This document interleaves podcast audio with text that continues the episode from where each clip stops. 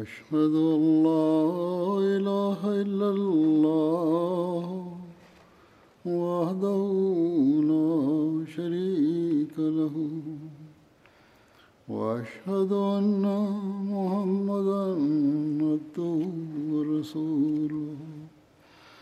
أما بعد فأعوذ بالله من الشيطان الرجيم. بسم الله الرحمن الرحيم. الحمد لله رب العالمين. الرحمن الرحيم. مالك يوم الدين.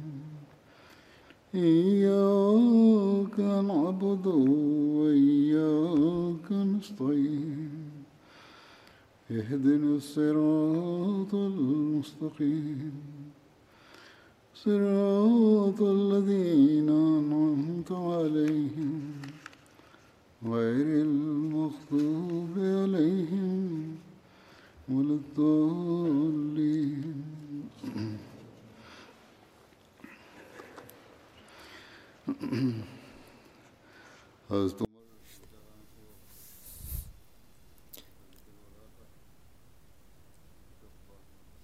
Pada khutbah-khutbah yang lalu telah dibahas mengenai Hazrat Umar radhiyallahu anhu dan hari ini pun masih berkenaan dengannya.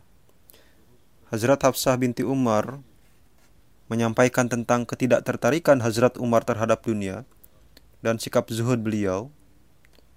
Suatu ketika Hazrat Hafsah berkata kepada ayahandanya, "Wahai Amirul Mukminin, di dalam riwayat lain Hazrat Hafsah berkata, "Wahai ayahandaku, Allah telah meluaskan rezeki, telah menganugerahkan kemenangan-kemenangan kepada Anda, dan telah memberi harta yang banyak. Mengapa tidak Anda memakan hidangan yang lebih halus dan mengenakan pakaian yang lebih lembut dari ini?" Hazrat Umar bersabda, saya ingin mendapat jawaban tentang hal ini dari Anda. Tidakkah Anda ingat bagaimana kesulitan-kesulitan yang harus dijalani oleh Rasulullah Shallallahu Alaihi Wasallam? Perawi berkata, Hazrat Umar terus-menerus mengingatkan hal ini kepada Hazrat Hafsah hingga beliau pun membuat Hazrat Hafsah menangis. Lalu Hazrat Umar bersabda, Demi Allah, selama di dalam diri saya ada kekuatan, saya akan terus mengikuti sukarnya kehidupan Rasulullah Shallallahu Alaihi Wasallam dan Hazrat Abu Bakar radhiyallahu anhu agar mungkin saya pun dapat ikut serta dalam kehidupan bahagia mereka berdua. Di dalam satu riwayat lain pun tertera bahwa Hazrat Umar bersabda kepada Hazrat Hafsah, "Wahai Hafsah binti Umar, Anda telah berbuat baik kepada kaum Anda, tetapi Anda belum berbuat baik kepada ayah Anda." Anda memberi usulan kepada saya bahwa jika sesuatu terjadi, maka Anda akan mengkhidmati kaum Anda dengan lebih baik, namun tidak tentang saya. Kemudian Hazrat Umar bersabda, anggota keluarga saya hanya berhak atas diri saya dan harta saya, tetapi mereka tidak berhak atas agama dan amanat saya, yakni tentang amanat yang tengah saya emban dan dengan cara apa saya menjalankannya. Atas hal ini Anda tidaklah perlu mengatakannya anda tidak memiliki hak untuk berkata terkait hal ini.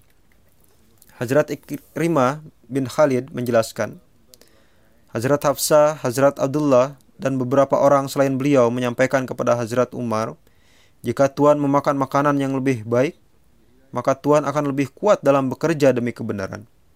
Hazrat Umar bersabda, Apakah Anda semua berpendapat seperti ini? Mereka menjawab, ya. Hazrat Umar bersabda, saya memahami keinginan baik Anda.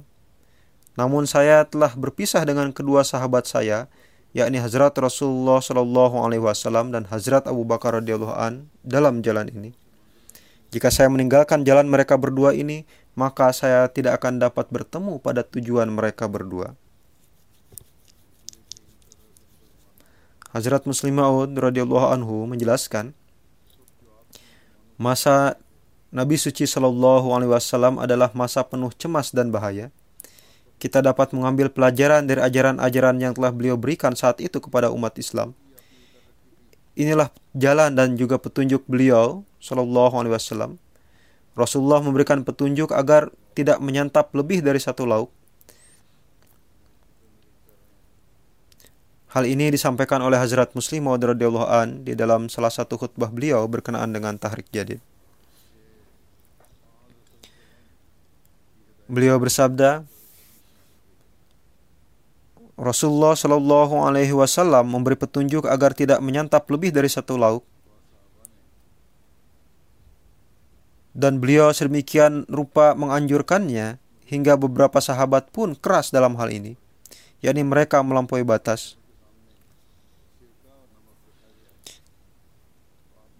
Jadi suatu ketika diletakkan cuka dan garam di hadapan Hazrat Umar radhiyallahu anhu.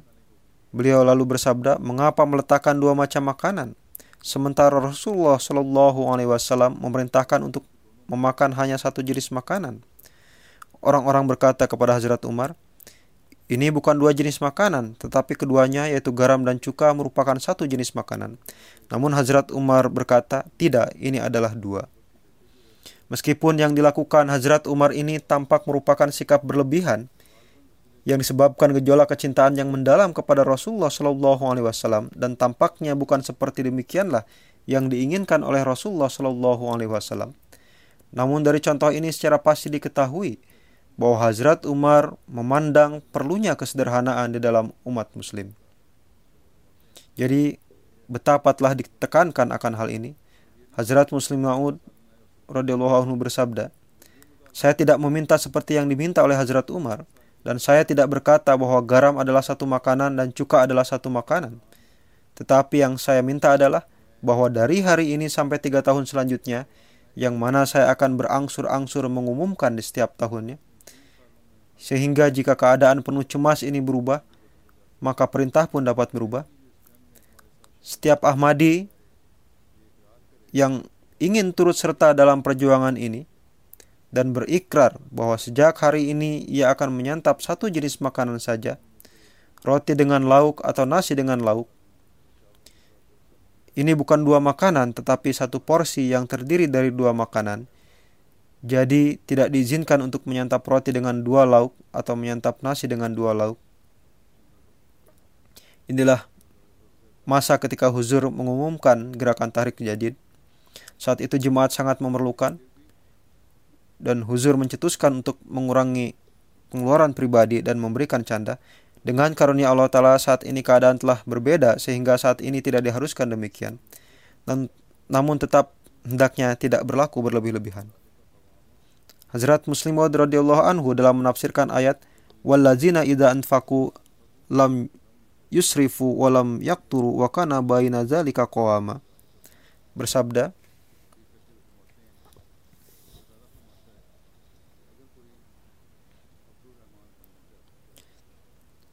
Allah Ta'ala berfirman, jika ada yang ingin menjadi hamba Tuhan yang maha rahman, maka syaratnya adalah ketika ia membelanjakan hartanya, ia mempertimbangkan dua hal.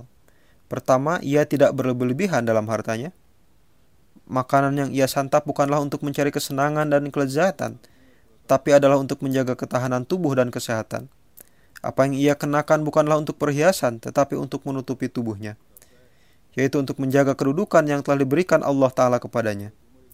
Alhasil, cerak amalan para sahabat menyimpulkan bahwa jalan seperti itulah yang mereka tempuh.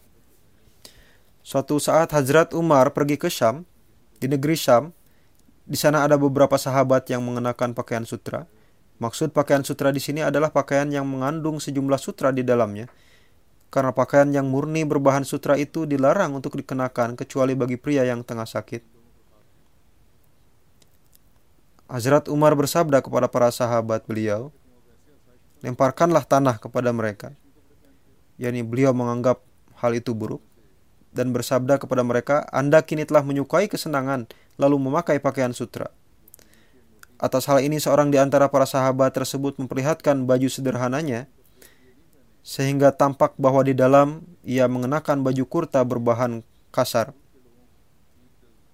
Ia berkata kepada Hazrat Umar, kami mengenakan pakaian sutra ini bukanlah dikarenakan kami menyukainya. Namun cara orang-orang negeri inilah yang memang seperti demikian. Mereka sejak kecil telah terbiasa melihat pemimpin mereka yang seperti ini, yaitu hidup dengan segala kebesaran dan keagungannya. Jadi melihat keadaan tersebutlah kami mengganti pakaian-pakaian kami sesuai dengan cara pemerintah negeri ini. Adapun kami sama sekali tidak terpengaruh atas benda itu. Alhasil amalan para sahabat tersebut melukiskan apa makna dari asraf yang berlebih-lebihan tersebut. Maknanya adalah janganlah membelanjakan harta pada sesuatu yang tidak berguna, yang hanya bertujuan untuk perhiasan. Singkatnya Allah Ta'ala berfirman bahwa yang dimaksud ibadur rahman adalah orang yang tidak berlebih-lebihan dalam hartanya. Mereka tidak mengorbankan harta untuk ria dan pamer, tetapi itu mereka gunakan untuk mendatangkan faedah dan manfaat. Mereka tidak menahan harta mereka untuk mereka belanjakan pada tempat di mana mereka harus memberinya dan menjadi sarana untuk mendatangkan faedah. Janganlah Anda belanjakan harta Anda pada jalan yang tidak sesuai dengan kehendak Allah Ta'ala. Dan janganlah menghalanginya hingga hak-hak orang lain pun tidak Anda tunaikan. Inilah dua syarat bagi ibadur rahman dalam membelanjakan harta. Akan tetapi banyak sekali orang yang cenderung baik pada sikap berlebih-lebihan atau sikap kikir. Hazrat Umar sungguh menolak sikap pria dan pakaian yang menandakan kebesaran dan kesombongan, hingga beliau tidak menyukai bila ada musuh yang telah ditaklukkan datang ke hadapan beliau dengan pakaian seperti itu yang menandakan kesombongan. Maka dari itu ada kisah rinci tentang peristiwa panglima Persia yaitu Hurmuzan. Kisah ini sebelumnya telah saya sampaikan secara rinci. Di sini saya akan menyampaikan sedikit bagiannya untuk memperjelas. Ketika di penaklukan Tustar, panglima bangsa Persia Hurmuzan melemparkan senjatanya dan menyerahkan dirinya kepada kaum muslim lalu mengirimnya ke hadapan Hazrat Umar sebelum masuk ke Madinah rombongan muslim yang membawanya memakaikan pakaian sutra kebesarannya kepadanya supaya Hazrat Umar dan kaum muslim dapat melihat keadaan aslinya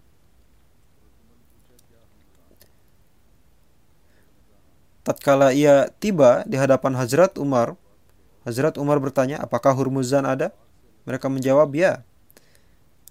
Hazrat Umar mengamati dirinya dan pakaiannya dengan seksama, lalu bersabda, Aku memohon perlindungan kepada Allah Ta'ala dari api, dan aku memohon pertolongan kepada Allah. Orang-orang di kapilah tersebut berkata, ini adalah Hurmuzan, bicaralah dengannya. Beliau bersabda, sama sekali tidak hingga ia menanggalkan pakaian kebesaran serta perhiasan-perhiasannya. Semuanya pun ditanggalkan hingga akhirnya Hazrat Umar berbicara dengannya. Mengenai derajat kerendahan hati dan ketakwaan Hazrat Umar dapat tergambar dari hal berikut. Diriwayatkan dari Hazrat Urwah bin Zubair, saya pernah melihat Hazrat Umar tengah mengangkat satu kendi berisi air ke atas pundak beliau Lalu saya berkata, "Wahai Amirul Mukminin, hal ini tidaklah cocok bagi Anda." Hazrat Umar bersabda, "Ketika berbagai golongan datang kepada saya seraya memperlihatkan ketaatan dan kesetiaan mereka, dan wakil-wakil dari berbagai bangsa datang kepada saya seraya memperlihatkan kepatuhan mereka, maka saya pun merasakan sikap tinggi dalam tinggi hati di dalam diri saya." Maka dari itu saya menganggap perlu untuk menghancurkan sikap tinggi hati ini, yaitu mengapa tinggi hati ini lahir. Oleh karena itulah saya berpikir untuk menghancurkannya dengan membawa kendi itu seperti halnya mereka. Hazrat Yahya bin Abdurrahman bin Hatib meriwayatkan dari ayahnya, kami semua bersama Hazrat Umar bin Khattab pernah kembali dari Mekah dalam bentuk kapilah. Lalu ketika kami tiba di lembah Zajnan, orang-orang pun berhenti. Zajnan adalah tempat yang berada sejauh 25 mil dari Mekah.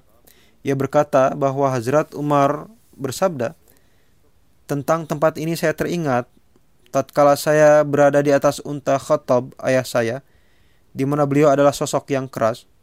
Ada satu masa saya meletakkan kayu-kayu di atas unta tersebut, lalu di waktu lain saya meletakkan rumputan di atasnya. Sekarang keadaan saya adalah orang-orang datang dari daerah-daerah yang jauh ke tempat saya dan tidak ada yang berada di atas saya. Yani Hazrat Umar adalah pemimpin suatu negeri yang luas di mana orang-orang melakukan perjalanan dari tempat yang jauh dan datang menemui beliau. dan tidak ada pemerintahan lain di dunia yang memerintah beliau. Lalu Hazrat Umar membaca syair ini, La syai'a fi ma illa basyashata. Yabqa ilahu wa yu'dil malu wal walad. Yani apa pun yang tampak padamu itu tidak memiliki hakikat apa pun selain sebuah kesenangan yang sementara. Hanya zat Tuhanlah yang akan terus ada sementara harta dan keturunan adalah akan menjadi fana. Hazrat Khalifatul Masih awal bersabda tentang hal ini. Ketika Hazrat Umar kembali dari haji, beliau berdiri di dekat sebuah pohon. Huzaifah saat itu tanpa segan memberanikan diri untuk bertanya sebab dari sikap beliau. Hazrat Umar bersabda, ada satu waktu tatkala saya menggembalakan satu unta saya, dan di bawah pohon ini ayah saya saat itu sangat marah kepada saya. Namun kini adalah masa di mana jangankan unta, Ratusan ribu orang pun bersedia untuk mengorbankan jiwanya hanya atas isyarat dari mata saya. Mengenai hal ini Hazrat Muslim Maud bersabda, Bukankah ini suatu hal yang menakjubkan bahwa seorang yang dahulu adalah penggembala unta menjadi sosok raja yang luar biasa. Dan beliau tidak hanya menjadi raja dunia tetapi juga raja rohani. Inilah Hazrat Umar yang di awal kehidupannya beliau biasa menggembalakan unta.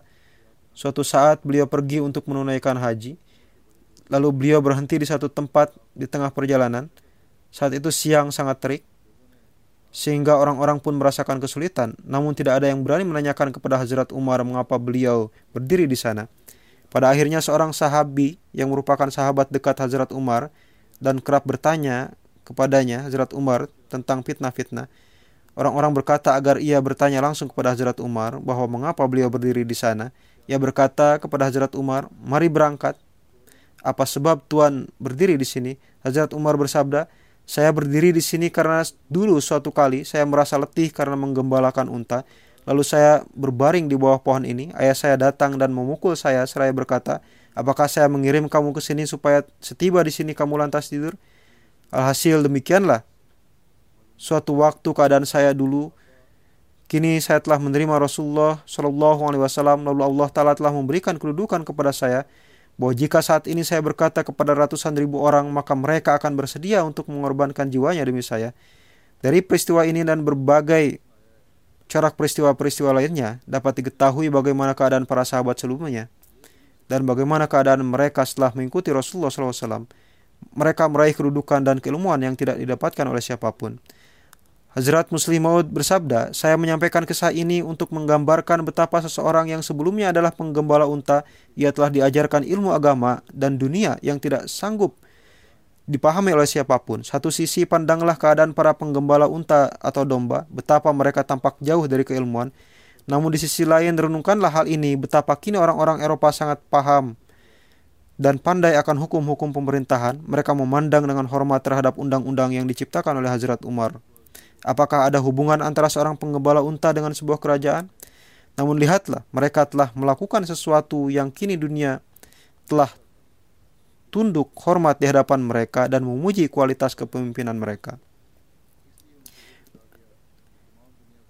Lalu lihatlah Hazrat Abu Bakar yang sebelumnya beliau adalah pedagang biasa tetapi kini dunia pun takjub bahwa dari manakah beliau telah meraih pemahaman akal dan pikiran ini saya sampaikan bahwa mereka meraih hal itu semua dari Al-Quran Suci. Mereka telah merenungi Al-Quran Suci hingga mereka mendapatkan sesuatu yang tidak didapatkan oleh semua yang ada di dunia saat itu. Karena Al-Quran Suci adalah sebuah pesenjata yang jika kalbu ditautkan dengannya, maka ia akan menjadi cemerlang, dan ilmu-ilmu yang ada di seluruh dunia tampak padanya. Dan di hadapan insan terbuka satu pintu yang mana tidak ada suatu ilmu pun yang turun pada kalbunya dapat tertahan baginya. Alhasil setiap insan harus berupaya untuk menelaah dan merenungkan Al-Quran. Mengenai bagaimana sikap kerendahan hati Hazrat Umar, di dalam suatu riwayat tertera sebagai berikut. Diriwayatkan dari Jubair bin Nufair bahwa ada satu jemaat yang berkata kepada Hazrat Umar bin Khattab, Wahai Amirul Mukminin, demi Allah, kami tidak pernah melihat seorang pun yang lebih adil, lebih memenuhi hak-hak, dan lebih keras kepada orang-orang munafik selain Anda. Memang benar, setelah Rasulullah SAW adalah yang terbaik di antara orang-orang sekalian.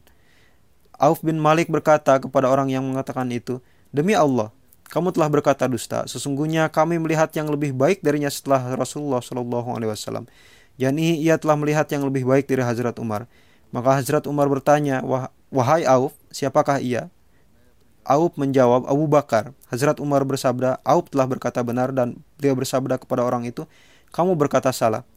Demi Allah, wangi dari Abu Bakar adalah bahkan lebih suci dari kesturi, sementara saya adalah lebih keliru dari unta-unta keluarga saya sekalipun. Hazrat Umar, Hazrat Muslim radhiyallahu anhu bersabda, di dalam hadis tertera bahwa satu saat Hazrat Umar dan Hazrat Abu Bakar saling bertentangan dalam satu hal, pertentangan itu meningkat Hazrat Umar memiliki tabiat yang keras, sehingga Hazrat Abu Bakar merasa lebih baik supaya beliau beranjak dari tempat tersebut agar perselisihan tidak membesar.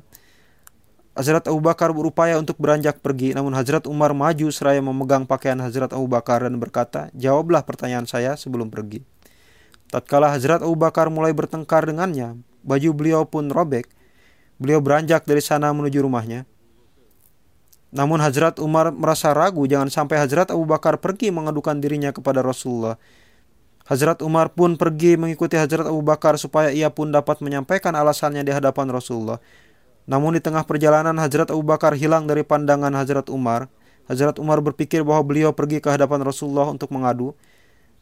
Hazrat Umar pun langsung pergi menuju Rasulullah. Ketika tiba di sana, ia tidak melihat sosok Hazrat Abu Bakar karena di dalam hati karena di dalam hati Hazrat Umar telah muncul penyesalan, maka beliau pun menyampaikan, "Wahai Rasulullah, saya telah melakukan kesalahan. Saya telah berlaku keras kepada Abu Bakar. Hazrat Abu Bakar tidak bersalah dan sayalah yang melakukan kesalahan." Ketika Hazrat Umar hadir di hadapan Rasulullah, seseorang menyampaikan kepada Hazrat Abu Bakar bahwa Hazrat Umar pergi mengadu terkait dirinya ke hadapan Rasulullah. Di dalam hati Hazrat Abu Bakar timbul pemikiran agar ia pun hendaknya pergi untuk membersihkan tuduhan padanya, supaya perkara jangan menjadi berat sebelah. Dan beliau pun dapat menyampaikan pandangannya sendiri. Tatkala Hazrat Abu Bakar tiba di majlis di hadapan Rasulullah SAW, saat itu Hazrat Umar tengah berkata, Wahai Rasulullah, saya bersalah telah berselisih dengan Hazrat Abu Bakar dan pakaian beliau telah robek karena saya. Tatkala Rasulullah SAW mendengar hal ini, nada marah pun tampak di wajah beliau. Rasulullah bersabda, Wahai manusia, apa yang telah terjadi pada anda semua, tatkala seluruh dunia menolak saya dan anda semua pun menolak saya, saat itu hanya Abu Bakarlah yang telah beriman kepada saya dan dalam segala hal telah menolong saya. Lalu dengan nada sedih, beliau bersabda, Apakah sekarang pun anda semua tidak meninggalkan saya dan Abu Bakar? Hazrat Abu Bakar pun tiba saat Rasulullah Shallallahu Alaihi Wasallam bersabda demikian. Inilah contoh dari kecintaan yang sejati, yaitu alih-alih Hazrat Abu Bakar menyampaikan, Wahai Rasulullah, ini bukanlah salah saya, melainkan salah Umar. Tatkala Hazrat Umar datang, tatkala Hazrat Abu Bakar datang dan melihat bahwa hati Rasulullah tengah sedemikian sedih, maka karena kecintaan yang sejati, beliau tidak sanggup menahan bahwa Rasulullah telah merasa sangat sedih akibat Hazrat Abu Bakar. Oleh karena itu sesaat setelah tiba Hazrat Abu Bakar langsung duduk berlutut di hadapan Rasulullah seraya berkata, "Wahai Rasulullah, Umar tidak bersalah, sayalah yang bersalah." Diriwayatkan dari Hazrat Umar bahwa beliau melihat orang-orang yang menyampaikan usulan terkait wanita yang keguguran janin dan diat atau tebusan untuknya. Mugirah berkata, Nabi Shallallahu Alaihi Wasallam telah memutuskan untuk membayar diat seharga seorang budak laki-laki atau perempuan. Hazrat Umar bersabda, bawalah seseorang yang menjadi saksi bersamamu atas pernyataan ini.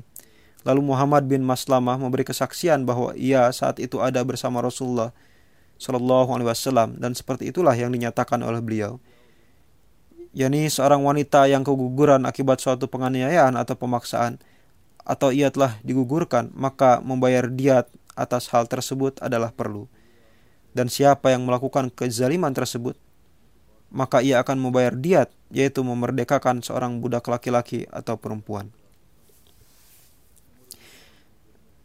Diriwayatkan dari Hazrat Abu Said bahwa Abu Musa Ash'ari memohon izin kepada Hazrat Umar untuk berjumpa dengan beliau. Hazrat Abu Musa berkata, Assalamualaikum, dapatkah saya masuk?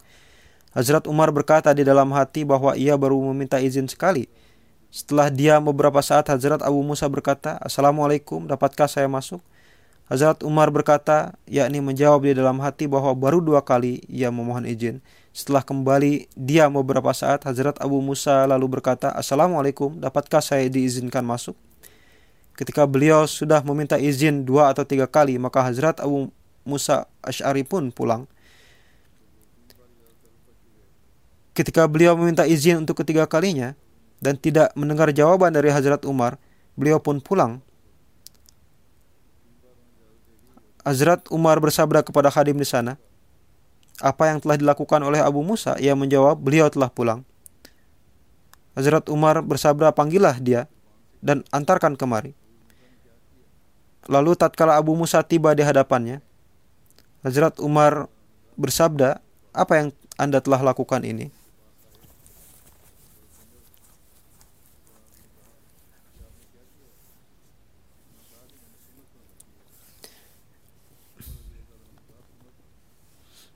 Hazrat Abu Musa berkata, saya telah mengamalkan sunnah. Hazrat Umar bersabda, sunnah apa? Demi Allah, Anda harus menyampaikan dalil dan bukti hal tersebut sebagai sunnah. Jika tidak, saya akan berlaku keras kepada Anda. Abu Sa'id Khudri menuturkan, lalu mereka pun datang kepada kami. Saat itu beliau bersama satu jemaat Ansar. Hazrat Abu Musa Ash'ari berkata, Wahai jemaat Ansar, bukankah engkau adalah yang lebih mengetahui dari orang lain tentang hadis Rasulullah Bukankah Rasulullah pernah bersabda? Al istizanu salasun. Yakni memohon izin itu adalah tiga kali. Jika anda mendapatkan izin maka masuklah ke dalam rumah. Dan jika tidak mendapatkan izin maka pulanglah. Mendengar hal ini orang-orang pun memperoloknya. Abu Sa'id Khudri menuturkan saya menengadahkan kepala saya ke arah Abu Musa Ash'ari dan berkata dalam hal ini apa pun hukuman yang akan Anda terima, saya pun akan ikut serta di dalamnya. Hazrat Abu Said berkata, Ya, saya bersaksi bahwa Anda telah berkata benar. Perawi berkata, lalu beliau, yakni Hazrat Abu Said datang kepada Hazrat Umar dan memberitakan hadis tersebut kepada beliau. Hazrat Umar bersabda, saya belum mengetahui hadis tersebut dan kini saya mengetahuinya. Di dalam Sahih Muslim, diriwayatkan bahwa Hazrat Abu Hurairah berkata, kami tengah duduk di sekeliling Rasulullah Shallallahu Alaihi Wasallam. Terdapat Hazrat Abu Bakar dan Hazrat Umar bersama yang lain. Rasulullah berdiri dan beranjak pergi dari tengah-tengah kami, namun telah cukup lama beliau tidak kembali. Dan saat itu kami takut jangan sampai kami akan terpisah dengan Rasulullah. Kami pun sangat cemas dan beranjak dari sana. Pertama-tama saya berpikir untuk keluar mencari Rasulullah. Hingga saya tiba di sebuah taman milik Banu Najar. Saya mengelilingi taman mencari pintu masuk, tetapi tidak dapat menemukannya. Saya kemudian melihat sungai mengalir di dalam taman yang berasal dari sumur di luar, lalu saya berjongkok seperti rubah dan memasuki taman melalui sungai dan pergi menuju Nabi Shallallahu Alaihi Wasallam. Nabi Shallallahu Alaihi Wasallam bertanya, apakah itu Abu Hurairah? Saya mengiyakan. Rasul bertanya, ada apa? Saya jawab, Tuan berada di antara kami, setelah itu Tuan berdiri dan pergi, tetapi tidak segera kembali. Kami khawatir ada yang mengganggu Tuan. Saya adalah orang pertama yang khawatir, jadi saya mengikuti Tuan ke taman ini. Saya harus berjongkok seperti rubah untuk masuk ke taman, dan yang lainnya mengikuti di belakang saya. Nabi Shallallahu Alaihi Wasallam menyapa saya dengan mengatakan, wahai Abu Hurairah, dan beliau memberikan sandal beliau kepada saya dan, dan bersabda, Ambil sandal saya dan beritahu siapa pun yang Anda temui di luar taman ini bahwa jika mereka bersaksi bahwa tidak ada yang berhak disembah selain Allah dan benar-benar memiliki keyakinan di hati mereka akan hal ini, maka sampaikanlah kepada mereka kabar gembira surga. Hazrat Abu Hurairah lebih lanjut meriwayatkan, ketika saya kembali, orang pertama yang saya temui adalah Umar radhiyallahu an. Beliau bertanya, "Wahai Abu Hurairah, sandal apa ini?" Saya berkata bahwa sandal ini milik Nabi Shallallahu Alaihi Wasallam. Dan beliau telah mengutus saya dengan menitipkan sandal ini sebagai tanda untuk memberikan kabar gembira tentang surga kepada orang-orang yang bersaksi bahwa tidak ada yang berhak disembah selain Allah dan benar-benar memegang keyakinan ini di dalam hati mereka.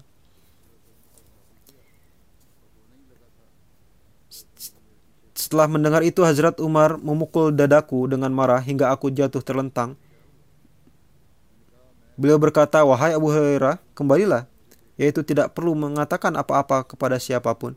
saya kembali menemui Nabi Shallallahu Alaihi Wasallam dan hampir menangis ketika Hazrat Umar tiba-tiba ada di belakang saya. Nabi Shallallahu Alaihi Wasallam bertanya, wahai Abu Hurairah, ada apa? Saya memberitahunya, saya bertemu dengan Umar dan memberitahunya tentang pesan yang Huzur kirimkan kepada saya. Namun Umar malah memukul dada saya hingga saya jatuh ke belakang dan Umar menyuruh saya untuk kembali.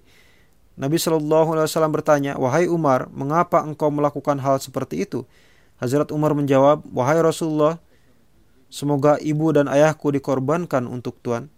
Apakah Huzur mengirim Abu Hurairah dengan sandal Huzur dan mengatakan kepadanya untuk memberikan kabar gembira surga kepada orang yang bersaksi bahwa tidak ada yang berhak disembah selain Allah dan memiliki keyakinan yang teguh dalam hal ini? Setelah ini Hazrat Umar berkata, Mohon jangan lakukan hal seperti itu, karena saya khawatir orang-orang hanya akan mengandalkan hal ini.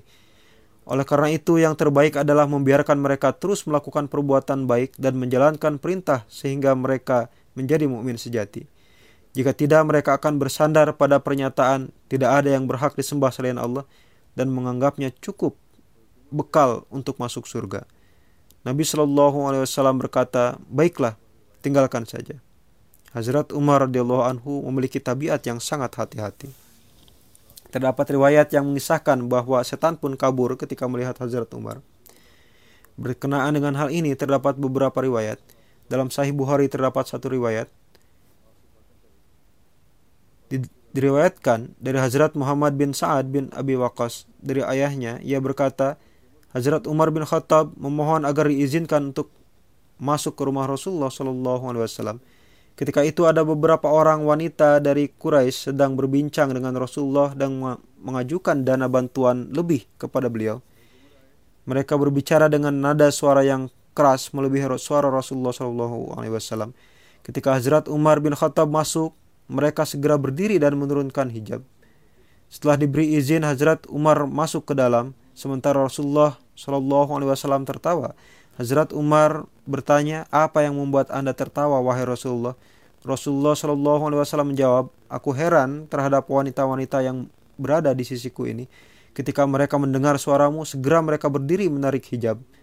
Hazrat Umar bin Khattab berkata, sebenarnya Tuhan yang lebih layak mereka segani, wahai Rasulullah. Kemudian Hazrat Umar bin Khattab berbicara kepada mereka, Wahai para wanita yang menjadi musuh bagi nafsunya sendiri, bagaimana kalian segan terhadap diriku dan tidak segan terhadap Rasulullah? Mereka menjawab, ya, sebab Anda lebih keras dan lebih kasar daripada Rasulullah. Rasulullah bersabda, Wahai Ibnul Khattab, demi Allah subhanahu wa ta'ala yang jiwaku berada dalam genggaman tangannya, Sesungguhnya tidaklah setan menemuimu sedang berjalan di suatu jalan kecuali dia akan mencari jalan lain yang tidak engkau lalui. Hazrat Aisyah meriwayatkan suatu kali Rasulullah Shallallahu Alaihi Wasallam datang dan kami mendengar suara bising anak-anak. Rasulullah Shallallahu Alaihi Wasallam berdiri. Di sana terdapat seorang wanita Habsyah yang sedang menunjukkan atraksi permainan dan dikelilingi oleh anak-anak. Rasulullah bersabda, "Kemari dan lihatlah ini." Saya datang dan mulai menonton pertunjukan sambil menyandarkan dagu di atas pundak Rasulullah. Posisi dagu saya berada di antara pundak dan kepala beliau. Lalu Rasulullah Shallallahu Alaihi Wasallam bersabda, belumkah kamu merasa cukup wahai Aisyah? Saya berkata, belum. Saya ingin melihat seberapa besar perhatian anda kepada saya. Ketika Hazrat Umar datang, orang-orang mulai meninggalkan wanita itu. Hazrat Aisyah berkata, Rasulullah Shallallahu Alaihi Wasallam bersabda, saya melihat setan dari antara jin dan manusia melarikan diri dari Umar. Hazrat Aisyah berkata, lalu saya kembali dari sana. Hazrat Buraidah meriwayatkan, Rasulullah pergi ke suatu peperangan. Ketika pulang, datang seorang budak perempuan hitam yang berkata, Wahai Rasulullah, sesungguhnya aku telah bernazar yang intinya apabila Allah mengembalikanmu dalam keadaan selamat, aku akan memukul gendang di hadapanmu dan bernyanyi. Rasulullah Shallallahu Alaihi Wasallam berkata kepada wanita itu, kalau memang demikian nazarmu maka laksanakanlah. Tetapi kalau bukan demikian tidak usah. Lalu wanita itu menabuh gendang dan bernyanyi. Datanglah Hazrat Abu Bakar, wanita itu tetap menabuh gendang. Lalu Hazrat Ali, wanita itu tetap menabuh gendang. Lalu Hazrat Utsman, wanita itu tetap menabuh gendang. Lalu datang Hazrat Umar, wanita itu meletakkan gendang di bawah dan duduk di atasnya. Rasulullah Shallallahu Alaihi Wasallam bersabda, Wahai Umar, setan pun takut kepada engkau. Ketika saya masih di sana, wanita itu tetap menabuh gendang. Kemudian Abu Bakar datang, wanita itu tetap menabuh gendang. Kemudian Ali datang, wanita itu tetap menabuh gendang. Kemudian Utsman datang, wanita itu tetap menabuh gendang. Namun wahai Umar, ketika kamu datang, wanita itu meletakkan gendangnya. Hazrat Masih Maud alaihissalam bersabda, Nabi Shallallahu alaihi wasallam bersabda kepada Hazrat Umar, jika setan mendapati engkau di satu jalan, maka setan akan mencari jalan lain dan takut denganmu. Dari dalil ini terbukti bahwa setan akan kabur dari Hazrat Umar layaknya seorang pengecut yang hina. Berkenaan dengan lisan Hazrat Umar dan kebenaran dan ketentraman pada kalbu beliau, Rasulullah bersabda, Hazrat Abdullah bin Umar meriwayatkan, Rasulullah Shallallahu Alaihi Wasallam bersabda, Allah Taala mengalirkan kebenaran pada lisan dan kalbu Umar. Hazrat Ibnu Abbas meriwayatkan dari saudaranya Fadl, saya mendengar Rasulullah Shallallahu Alaihi Wasallam bersabda, Umar bin Khattab bersama dengan saya di tempat yang aku sukai dan aku besertanya di tempat yang ia sukai dan sepeninggalku di mana pun Umar bin Khattab berada, kebenaran akan selalu menyertainya. Hazrat Ali meriwayatkan, kami selalu mengatakan satu sama lain bahwa ketentraman selalu menyertai lisan dan kalbu Hazrat Umar. Hazrat Muslim radhiyallahu anhu bersabda, Nabi Shallallahu alaihi wasallam pernah bersabda kepada salah seorang istri beliau, "Tolong siapkan perbekalan untuk perjalanan saya." Beliau mulai membuat persiapan untuk perjalanannya. Kemudian Rasul Shallallahu alaihi wasallam meminta Hazrat Aisyah untuk memanggang biji-bijian untuk beliau. Ini adalah jenis masakan yang biasa dibuat pada masa itu. Kemudian Hazrat Aisyah mulai menyaring debu atau tanah darinya. Hazrat Abu Bakar datang mengunjungi putrinya di rumah dan melihat persiapan ini lalu bertanya apa yang terjadi. Apakah Nabi Shallallahu Alaihi Wasallam sedang mempersiapkan perjalanan? Aisyah menjawab sepertinya begitu karena Nabi Shallallahu Alaihi Wasallam menyuruh kami untuk membuat persiapan untuk perjalanan. Hazrat Abu Bakar bertanya apakah ada rencana untuk berperang. Dia menjawab saya tidak tahu. Nabi Shallallahu Alaihi Wasallam baru saja menyuruh kami untuk membuat persiapan untuk perjalanan dan itulah yang kami lakukan. Dua tiga hari kemudian Nabi Shallallahu Alaihi Wasallam memanggil Hazrat Abu Bakar dan Hazrat Umar dan memberitahu mereka bagaimana hamba-hamba Tuhan itu datang dan tentang suatu peristiwa yang tertentu yang terjadi. Nabi suci Shallallahu Alaihi Wasallam bersabda, Allah telah memberitahu saya tentang kejadian itu sebelumnya bahwa mereka yaitu orang-orang Mekah akan melakukan makar dan kita telah membuat perjanjian dengan mereka. Akan bertentangan dengan keimanan jika saat ini kita takut dan tidak mempersiapkan diri untuk berperang setelah menyaksikan keberanian dan kekuatan orang-orang Mekah.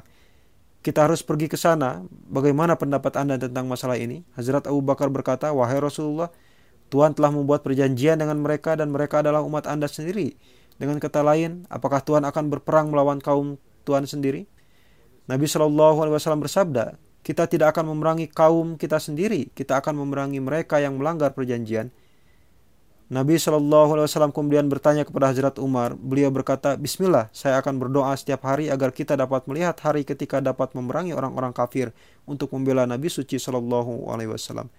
Nabi bersabda, Abu Bakar sangat lembut, tetapi Umar lebih sering berbicara terus terang. Nabi Shallallahu Alaihi Wasallam melanjutkan, bersiaplah, Kemudian Nabi Shallallahu Alaihi Wasallam mengumumkan kepada suku-suku di sekitarnya bahwa setiap orang yang beriman kepada Allah dan Rasulnya harus berkumpul di Madinah pada hari-hari permulaan Ramadan. Dengan demikian laskar mulai berkumpul hingga ribuan laskar telah diorganisir lalu Rasul berangkat untuk perang. Berkenaan dengan keutamaan Hazrat Abu Bakar dan Hazrat Umar, terdapat satu riwayat. Hazrat Abu Said Khudri meriwayatkan, Nabi Karim Shallallahu Alaihi Wasallam bersabda, dari antara penghuni iliyin akan ada orang yang mengintip ke arah penghuni surga. Disebabkan oleh wajahnya surga akan berkilauan, seolah-olah merupakan sebuah bintang yang bersinar. Hazrat Abu Bakar dan Umar adalah termasuk di antaranya. Betapa istimewanya mereka berdua. Abu Usman meriwayatkan, Rasulullah Shallallahu Alaihi Wasallam mengutus Hazrat Amr bin As sebagai komandan tentara ke Zatu Salasil, tempat jaraknya satu hari perjalanan dari Madinah merupakan jalan terusan menuju Wadi Ul Qura. Di daerah kabilah Juzam terdapat nama sebuah sumur. Hazrat Amr berkata, Ketika saya kembali kepada beliau, saya bertanya kepada beliau, siapa yang paling Anda kasih di antara orang-orang? Rasulullah SAW bersabda, Aisyah. Saya bertanya lagi, siapa dari kalangan pria? Rasulullah SAW bersabda, ayahnya Aisyah. Saya bertanya lagi, siapa berikutnya? Rasulullah bersabda, Umar. Lalu Rasul menyebut beberapa nama pria. Hazrat Anas meriwayatkan Rasulullah Shallallahu Alaihi Wasallam datang menuju perkumpulan sahabat dari antara Ansar dan Muhajirin yang tengah duduk-duduk. Di antara mereka juga ada Abu Bakar dan Umar. Tidak ada di antara sahabat yang mengangkat pandangannya ke arah Rasulullah Shallallahu Alaihi Wasallam kecuali Abu Bakar dan Umar. Kedua sahabat tersebut melihat Rasulullah Shallallahu Alaihi Wasallam lalu tersenyum. Begitu juga Rasul memandang keduanya dan tersenyum. Hazrat Ibnu Umar meriwayatkan suatu hari Rasulullah Shallallahu Alaihi Wasallam keluar, kemudian Rasulullah Hazrat Abu Bakar dan Hazrat Umar masuk ke dalam masjid. Salah satu di antara keduanya berada di sebelah kanan beliau dan yang keduanya di sebelah kiri. Rasulullah memegang tangan keduanya. Rasulullah Shallallahu Alaihi Wasallam bersabda, seperti inilah kami akan dibangkitkan di hari kiamat. Abdullah bin Hattab meriwayatkan setelah melihat Hazrat Abu Bakar dan Hazrat Umar Rasulullah bersabda, kedua orang ini adalah telinga dan mata. Hazrat Jabir bin Abdullah meriwayatkan Hazrat Umar radhiyallahu anhu berkata kepada Hazrat Abu Bakar, Abu Bakar, "Wahai manusia yang lebih baik setelah Rasulullah." Hazrat Abu Bakar menjawab, "Dengarlah, jika engkau berkata demikian, saya pernah mendengar Rasulullah Shallallahu alaihi wasallam bersabda, matahari tidak terbit pada seseorang yang lebih baik dari Umar radhiyallahu an." Hazrat Ibnu Umar meriwayatkan Rasulullah bersabda, "Saya akan menjadi orang pertama yang karenanya bumi akan terbelah." kemudian Abu Bakar, dan kemudian Umar. Lalu saya akan datang menghampiri penghuni Baki. Mereka akan dibangkitkan bersama dengan saya. Lalu saya akan menunggu penduduk Mekah hingga aku akan dibangkitkan di tengah-tengah Haramain. Hazrat Abdullah bin Mas'ud meriwayatkan, Nabi Shallallahu Alaihi Wasallam bersabda, dari antara penghuni surga akan ada seseorang yang tengah datang menghampirimu. Maka Hazrat Abu Bakar datang, kemudian beliau bersabda, dari antara penghuni surga akan ada seseorang yang tengah datang menghampirimu, maka Hazrat Umar datang. Hazrat Anas meriwayatkan berkenaan dengan Hazrat Abu Bakar dan Hazrat Umar Rasulullah bersabda, mereka berdua adalah pemimpin bagi segenap orang tua di antara penghuni surga awalin dan akhirin, kecuali para nabi dan rasul. Hazrat Huzaifah meriwayatkan Rasulullah Shallallahu Alaihi Wasallam bersabda, sepeninggalku ikutilah keduanya Abu Bakar dan Umar. Hazrat Abu Sa'id Khudri meriwayatkan Rasulullah Shallallahu Alaihi Wasallam bersabda, setiap nabi memiliki dua menteri dari antara penduduk langit, begitu juga dari antara penduduk bumi. Dari antara penduduk langit, dua menteriku adalah Jibril dan Mikail, sedangkan dari antara penduduk bumi adalah Abu Bakar dan Umar. Hazrat Huzaifah meriwayatkan, kami tengah duduk bersama dengan Rasulullah Shallallahu Alaihi Wasallam. Rasulullah Shallallahu Alaihi Wasallam bersabda, aku tidak tahu sampai kapan aku akan berada di tengah-tengah kalian, untuk kalian ikutilah kedua orang ini sepeninggalku. Beliau mengisyarahkan kepada Hazrat Abu Bakar dan Umar. Hazrat Abu Bakar meriwayatkan, Nabi Karim Shallallahu Alaihi Wasallam suatu hari bersabda, Siapa di antara kalian yang melihat mimpi? Salah seorang berkata, Saya dalam mimpi itu seakan-akan ada sebuah timbangan yang turun dari langit. Lalu Tuhan, yakni Rasulullah dan Abu Bakar ditimbang. Tuhan lebih berat timbangannya dari Hazrat Abu Bakar. Lalu Abu Bakar dan Umar ditimbang. Hazrat Abu Bakar lebih berat timbangannya. Lalu Hazrat Umar dan Hazrat Utsman ditimbang. Hazrat Umar lebih berat timbangannya. Setelah itu timbangan diangkat lagi. Perawi berkata, kami melihat rona ketidaksukaan pada Rasulullah Shallallahu Alaihi Wasallam. Dalam satu riwayat lagi yang mengatakan bahwa setelah mendengar mimpi tersebut, Rasulullah Shallallahu Alaihi Wasallam bersabda, ini merupakan khilafat pasca nubuat setelah itu Allah Ta'ala akan memberikan kerajaan kepada siapa saja yang dikehendakinya. Abdul Khair meriwayatkan, Hazrat Ali berdiri di atas mimbar dan berkata, Wahai manusia, maukah aku beritahukan kepada kalian perihal manusia terbaik dalam umat ini sepeninggal Rasulullah Shallallahu Alaihi Wasallam? Orang-orang berkata, kenapa tidak? Hazrat Ali bersabda, Abu Bakar, lalu berdiam sejenak, lalu bersabda, Wahai manusia, maukah aku beritahukan kepada kalian perihal manusia yang terbaik dalam umat ini sepeninggal Abu Bakar? Dia adalah Umar.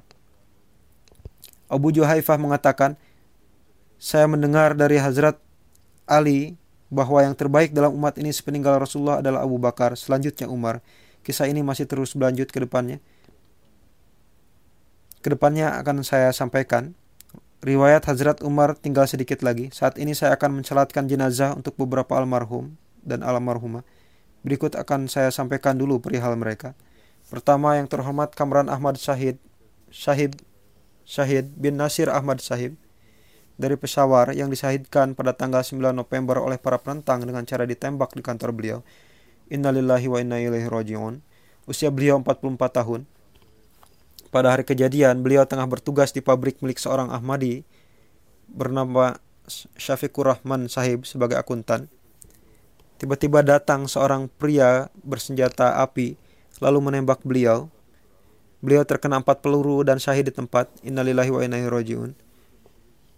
Pasca kejadian, pelaku langsung melarikan diri.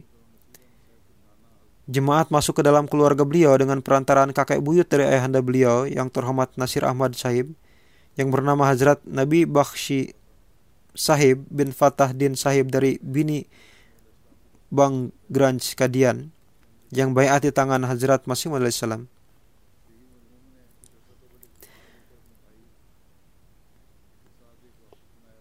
Beberapa waktu sebelumnya almarhum menyewa sebuah toko lalu memfungsikannya sebagai kantor bersama dengan saudaranya.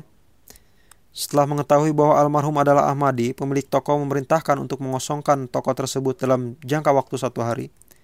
Lalu perempatan tersebut diganti nama menjadi perempatan Khatam Nubuat. Kemudian setelah mengetahui bahwa beliau menyewa toko lain yang letaknya tidak jauh dari sana, para penentang membawa masa untuk mengosongkan toko tersebut. Tidak jauh dari rumah almarhum diadakan satu tablik akbar pada bulan Oktober dalam acara tersebut disampaikan ceramah-ceramah provokatif tentang jemaat. Dikatakan bahwa kami belum pernah melihat acara yang lebih besar dari itu sebelumnya di daerah itu. Sebagai akibatnya semakin besar kebencian yang tertanam kepada jemaat di daerah itu. Almarhum Syahid juga bekerja mengelola bagian akuntansi di sebuah lembaga swasta. Disebabkan oleh penentangan, almarhum mengundurkan diri dari pekerjaan tersebut. Mengetahui hal itu, pihak lembaga berkata, akhlak dan kejujuran Anda sedemikian rupa sehingga kami tidak dapat melepaskan Anda. Mohon Anda sering datang walau hanya beberapa menit saja. Setelah mengetahui kabar syahidnya beliau, para simpatisan itu sangat menyesalkannya. Almarhum Syahid memiliki banyak keistimewaan. Ayah beliau menuturkan, ketika terlambat tiba di rumah di malam hari, suatu hari saya bertanya kepadanya, Hari ini kamu terlambat tiba di rumah, kenapa? Almarhum menjawab, ada seorang wanita yang berasal dari keluarga penentang jemaat yang memerlukan bantuan darah. Tadi saya pergi untuk mendonorkan darah untuknya. Karena mereka kurang mampu dari sisi ekonomi. Biarkanlah mereka dengan sikapnya terhadap jemaat. Almarhum selalu giat dalam memberikan pengkhidmatan. Biasa hadir lebih dulu untuk pengkhidmatan dalam jemaat dan tugas-tugas penjagaan. Dan beliau sendiri biasa bertugas di tempat-tempat yang berisiko tinggi Ketika disarankan kepada almarhum untuk hijrah ke tempat yang lebih aman, beliau menjawab, "Jika kita meninggalkan daerah ini, maka permasalahan para Ahmadi yang masih lemah bisa meningkat." Dalam hal pengorbanan canda, beliau memberikan dalam jumlah yang cukup besar dan selalu berusaha untuk membayarkannya di awal. Suatu ketika pada usia 12-13 tahun, karena membagikan pamflet mubahala, polisi menangkap dan memasukkan beliau ke sel namun akhirnya bebas keesokan harinya.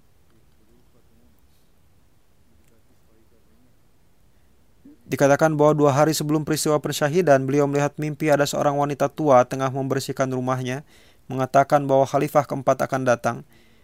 Tidak lama kemudian Huzur datang lalu memegang tangan almarhum dan bersabda dengan penuh kasih sayang, "Kita akan tinggal bersama dan kamu harus tinggal bersama saya." Dengan karunia Allah Ta'ala,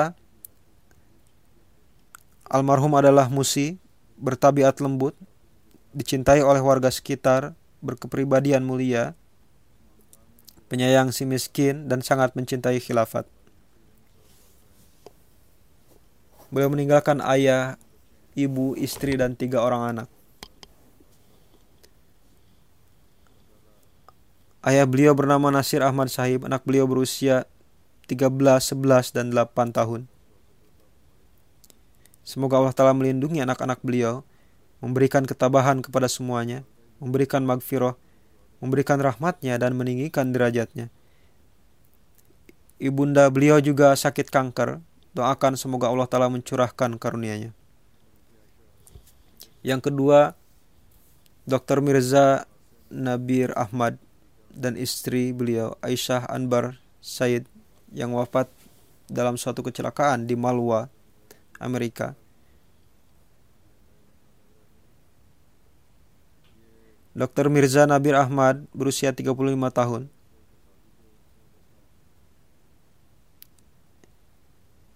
Innalillahi wa inna rojiun. Kakek buyut almarhum Hazrat Deputi Mia Muhammad Syarif Sahib radhiyallahu anhu, sahabat Hazrat Masih salam. Nenek almarhum dari garis ibu adalah putri dari Master Abdurrahman Sahib. Kakek buyut beliau dari garis ibu pun adalah sahabat. Dalam keluarga beliau terdapat beberapa sahabat. Pada tahun 2012 beliau pindah ke Amerika Beliau mendapatkan topik bergabung dalam Nizam Al-Wasiyat pada usia 17 tahun. Beliau juga mendapatkan taufik mengkhidmati Kaid Majelis Khudamul Ahmadiyah untuk membeli satu bangunan baru guna dijadikan masjid. Beliau termasuk salah satu di antara para penyumbang terbesar di jemaat lokalnya. Keluarga yang ditinggalkan di antaranya ayah Mirza Nasir Ahmad Sahib, saat ini berkhidmat sebagai sekretaris umur Amah Islamabad. Ibunda beliau adalah saudari dari Ketua Lajnah Wilayah Islamabad. Nadia Sahibah. Dan juga beliau meninggalkan dua saudara. Istri beliau, Aisyah Anbar Sahibah yang wafat dalam kecelakaan bersama beliau adalah putri dari Sayyid Sujaat Shah Sahib dari Jepang dan merupakan saudari dari mubalik kita di Jepang saat ini, Ibrahim Sab. Jemaat Ahmadiyah masuk ke dalam keluarga beliau melalui perantaraan Sayyid Abdul Rahim Sah Sahib dari Pagla yang bayat pada tahun 1930 di tangan Hazrat Muslim an. Seperti yang telah saya katakan, beliau juga wafat dalam kecelakaan yang sama dengan suami beliau Dua hari kemudian, almarhumah merupakan anggota tim MTA internasional yang aktif dan juga biasa menerjemahkan khutbah-khutbah saya secara langsung ke dalam bahasa Jepang dan juga membuatkan subtitlenya.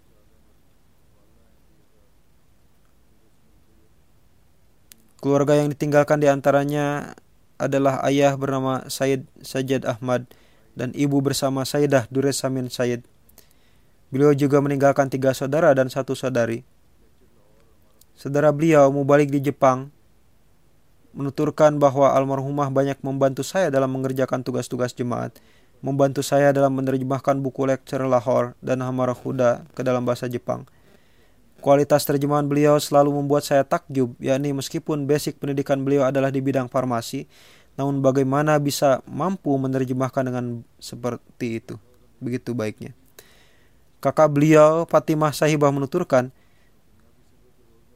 Secara kebetulan saya dapat membaca catatan harian beliau pada setiap halamannya tertulis beragam topik. Pada satu halaman tertulis kehidupan duniawiku dan pada halaman lain tertulis kehidupan rohaniku. Pada halaman duniawi dihususkan untuk berkenaan dengan urusan keseharian yang sifatnya keduniawian. Sedangkan pada halaman rohani tertulis segala perkara kerohanian, catatan kejemaatan dan keilmuan agama. Beliau menulis dengan indah dan penuh pemikiran pada setiap halamannya.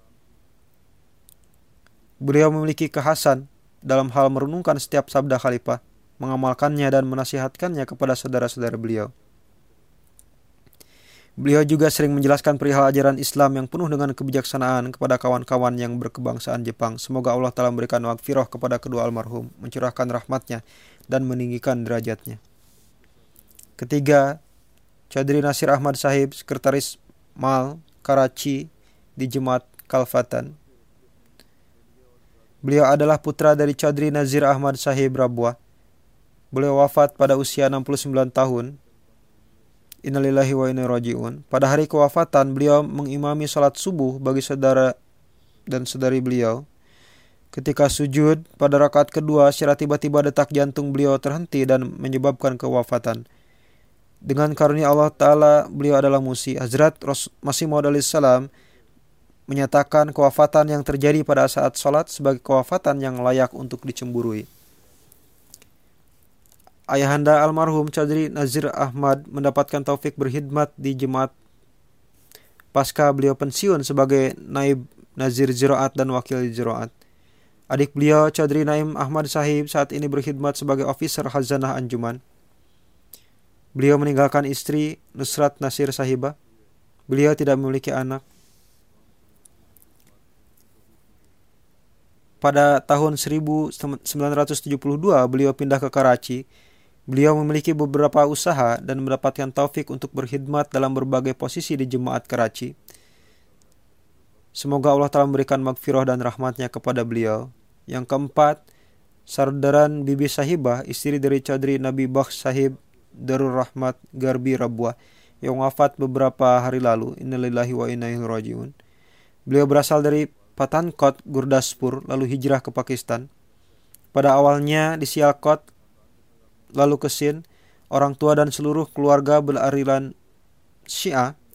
Ketika almarhum Beat pada tahun 49 bersama keluarga, orang tua beliau berkata kepada putrinya, Suamimu telah kafir, untuk itu kembalilah kemari.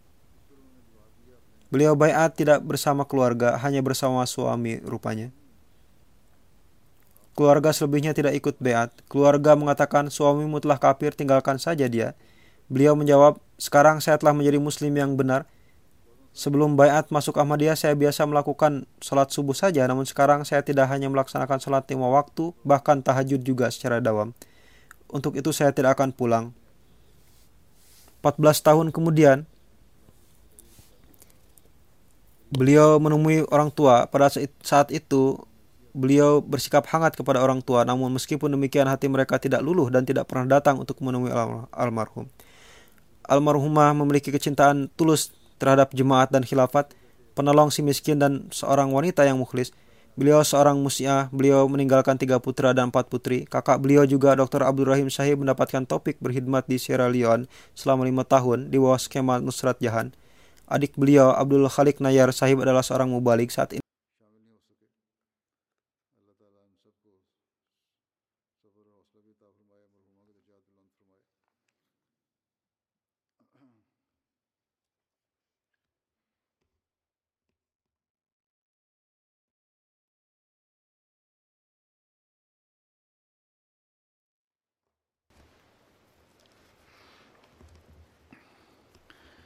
الحمد للہ الحمد لله نحمده ونستعينه ونستغفره ونؤمن به ونتوكل عليه ونعوذ بالله من شرور انفسنا ومن سيئات اعمالنا من يهده الله فلا مضل له ومن يضلل فلا هادي له. ونشهد أن لا إله إلا الله. ونشهد أن محمدا عبده ورسوله. عباد الله رحمكم الله. إن الله يأمر بالعدل واللسان وإيتاء ذي القربى وينهى عن الفحشاء والمنكر والبغي يعظكم لعلكم تذكرون. اذكروا الله يذكركم وادعوه يستجب لكم ولذكر الله أكبر.